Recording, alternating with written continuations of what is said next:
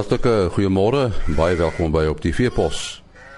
En vanoggend kyk ons na die uh, voeding van wat en veral uh, die voeding so in die wintermaande wanneer proteïenaanvullings noodsaaklik is. Ons praat met Lubbe Jacobs van Luberen Voere. Lubbe, as 'n mens nou so praat oor uh, voeding vir wild, meeste mense dink wat dit nie eintlik spesiale voeding nodig nie want hy kry mos maar sy voeding van die veld af. Maar dit lyk my by die intensiewe boerdery het dit nou nodig geword dat 'n mens uh wat voeding spesiaal moet formuleer as ek reg. Ja, en dit is reg. Uh omdat ons die wild toekamp en gewoonlik ook in klein kampies sodat hy in elk geval nie genoeg rifoer van die veld kan afkry en kan selekteer nie is dit noodsaaklik dat ons hulle moet 'n uh, uh, uh, ekstra voeding gee. Nou is is die soort voeding is dit maar dieselfde as wat 'n mens gewone beeste gee? Nee nee, nee uh by beeste gebruik ons veral in die wintermaande baie urium uh vir lekke en by die wildbedryf gebruik ons nie urium nie want omdat die diere so geweldig dier is en daar altyd 'n risiko is aan uh, urium voeding kan uh, dit as daar een duur vrek dit is geweldige klomp geld wat weg is. So ons gebruik afgeleide goed van die beeste af maar so dit is nie dieselfde as met beeste nie. Jy praat dus van die wintermaande. Proteïenaanvulling is nogal belangrik in die winter, nê? Nee? Ja, baie belangrik. Uh die rede hoekom dit belangrik is is omdat die die onderste gras of enige van die weidings waarop die wild loop van hulle uh, vegetatiewe na hulle reproduktiewe reproduktiewe stadium gaan dan verhoog die veselinhoud in die gras en die proteïen daal en uh, dan is daar nie genoeg stikstof in die gras om die rumen mikrobes aan die gang te hou nie en dis waarom ons dan ekstra proteïen moet aanvul om om die mikrobes te laat aan die gang bly sodat hulle die die gras kan verteer. En en hierdie proteïen watter vorm is dit gewoonlik?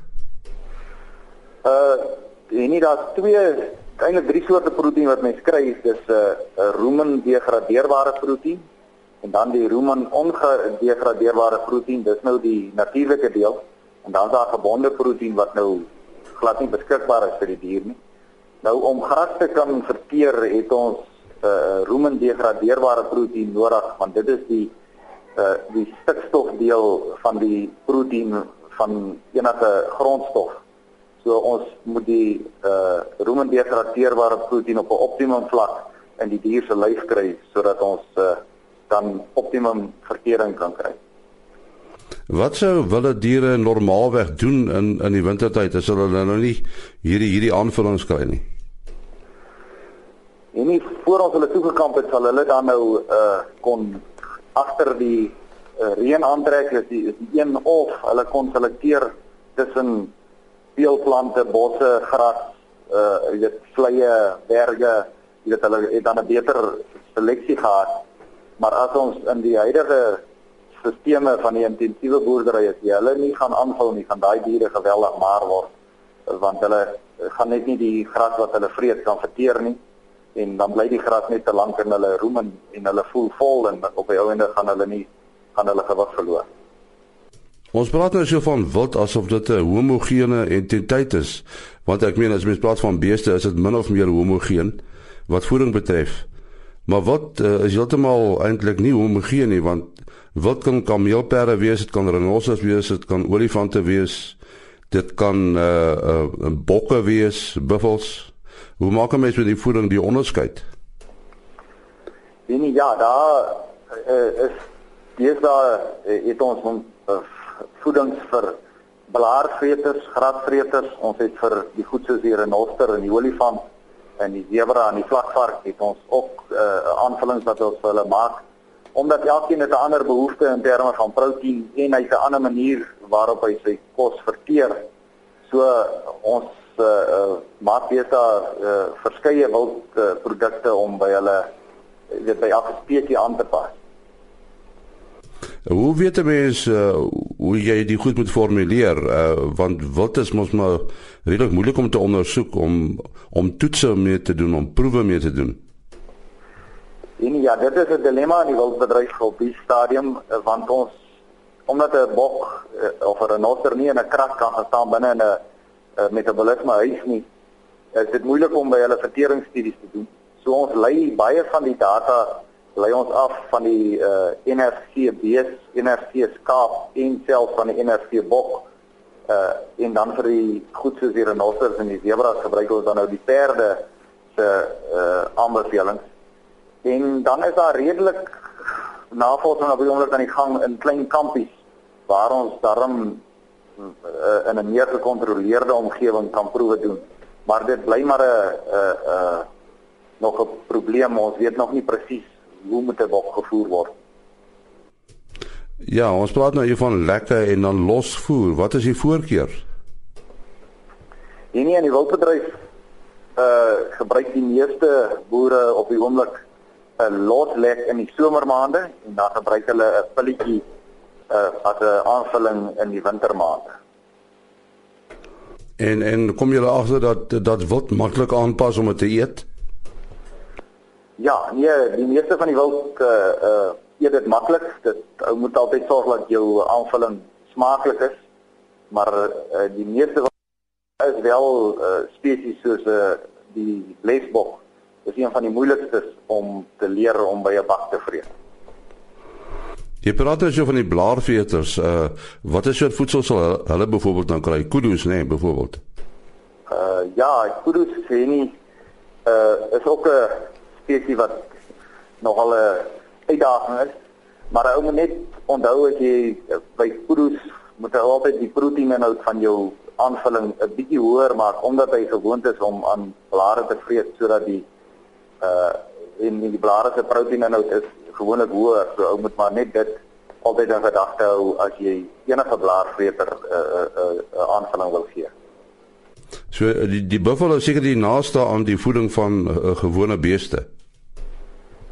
Ja, nee nee, hy is die heel naaste uh, ou moet net altyd 'n uh, beeste met omtrent 1 en 'n half maal uh, om uh, by die waarde van 'n buffel uit te kom want hulle is net baie swaarder as uh, as beeste. Mens hoor nou dat daar manne is wat uh, wat wild aanhou so half in dieselfde omgewing as beeste. Uh hoe werk 'n mens met voeding daar? Ja, dit is 'n uh, gewone 'n kopseer om dit uit te uh, sorteer want ons wil nie graag jy het die wild moet by die irium kom nie vir alles hulle nie daar gewoond is nie. Wat die meeste boere maar doen is hulle voer hulle wild 'n uh, eh, een deel van die van sê nou maar van die kamp en hulle beeste in die ander deel en hulle voer dan maar daagliks sodat hulle kan seker wees dat die diere eet dit wat hulle moet kry op voordat die ander diere by die uh, by die ander diere se bak kom. Jy sê irium is 'n is 'n risiko. Ons het nou al gehoor van irium vergiftiging. Hoekom is dit 'n probleem by wat kan mense dit nie ook maar beheer nie? Nee, die rede is maar soos ek genoem het omdat wild so duur is, is die ouens te bang om uh wild uh, irium te gee vir die groot koste as daar een doodgaan, maar ek persoonlik voel dat wildboere kan geweldig baie geld spaar deur 'n klein bietjie irium in hulle aanvullings te sit en net dan die bestuur van die bakke op te knap want dit is gewoonlik jou probleem die diere uh oorvreet hulle of hulle eet uh, kos wat nat gereën is en dan drink hulle daai water en dan vrek hulle. So as jy die bestuur reg het, dink ek die wildboere kan wel baie geld spaar. Hoe maak die die mense om die die die wat te voer? Uh, jy praat nou van bakke. Is hierdie bakke in kampe geleë? Uh kleiner kampe of uh staan dit maar los in die veld? En nie gewoonlik die die meeste boere het 'n uh, het bakke wat op 'n sentrale plek staan en dan skuif hulle dit uh, rond in die kamp sodat hy nie uittrap van die veld kom nie. En op die stadium gebruik geweldig baie van die boere omgekeerde motorbande as 'n as 'n 'n bak en daar selfs ouens wat uh, staalbakke ook gebruik.